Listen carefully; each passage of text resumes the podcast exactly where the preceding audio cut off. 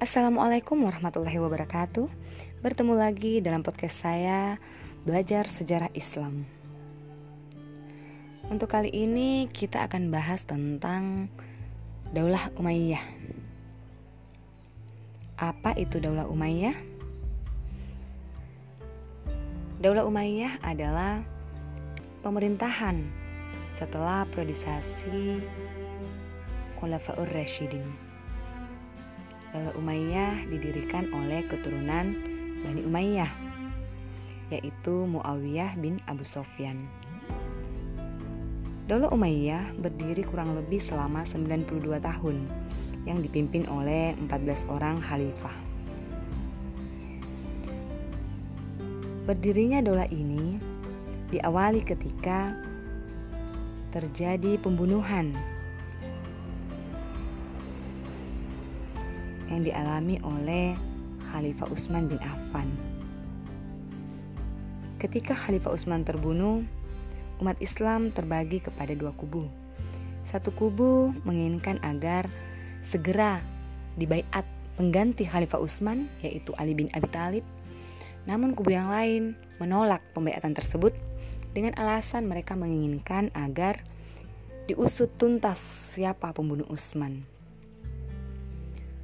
Maka kemudian umat Islam berbeda pandangan dalam hal ini.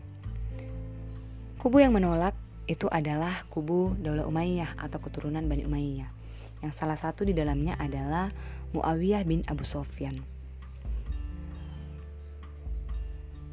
Perpecahan ini kemudian berujung pada sebuah perang yaitu perang Siffin yang terjadi antara Khalifah Ali bin Abi Thalib melawan Muawiyah bin Abu Sofyan. Dalam perang ini, kubu Muawiyah kemudian mengajukan tahkim atau perjanjian damai yang diwakili oleh Amr bin Ash. Namun kemudian efek dari tahkim ini mengakibatkan kubu Ali terpecah menjadi dua. Satu kubu yaitu Syiah, yaitu kubu yang tetap berpegang teguh berada di belakang Khalifah Ali bin Abi Thalib.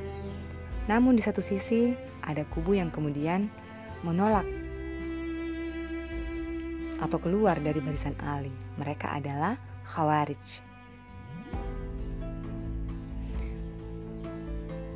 Muawiyah bin Abu Sofyan kemudian mendirikan Daulah Umayyah.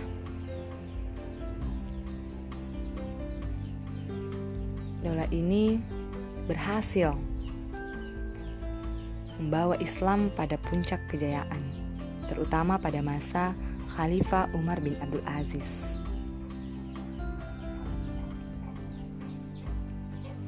Khalifah Umar berhasil membawa umat Islam yang ada pada saat itu dalam kesejahteraan, terutama karena pengelolaan betul malnya yang sangat baik.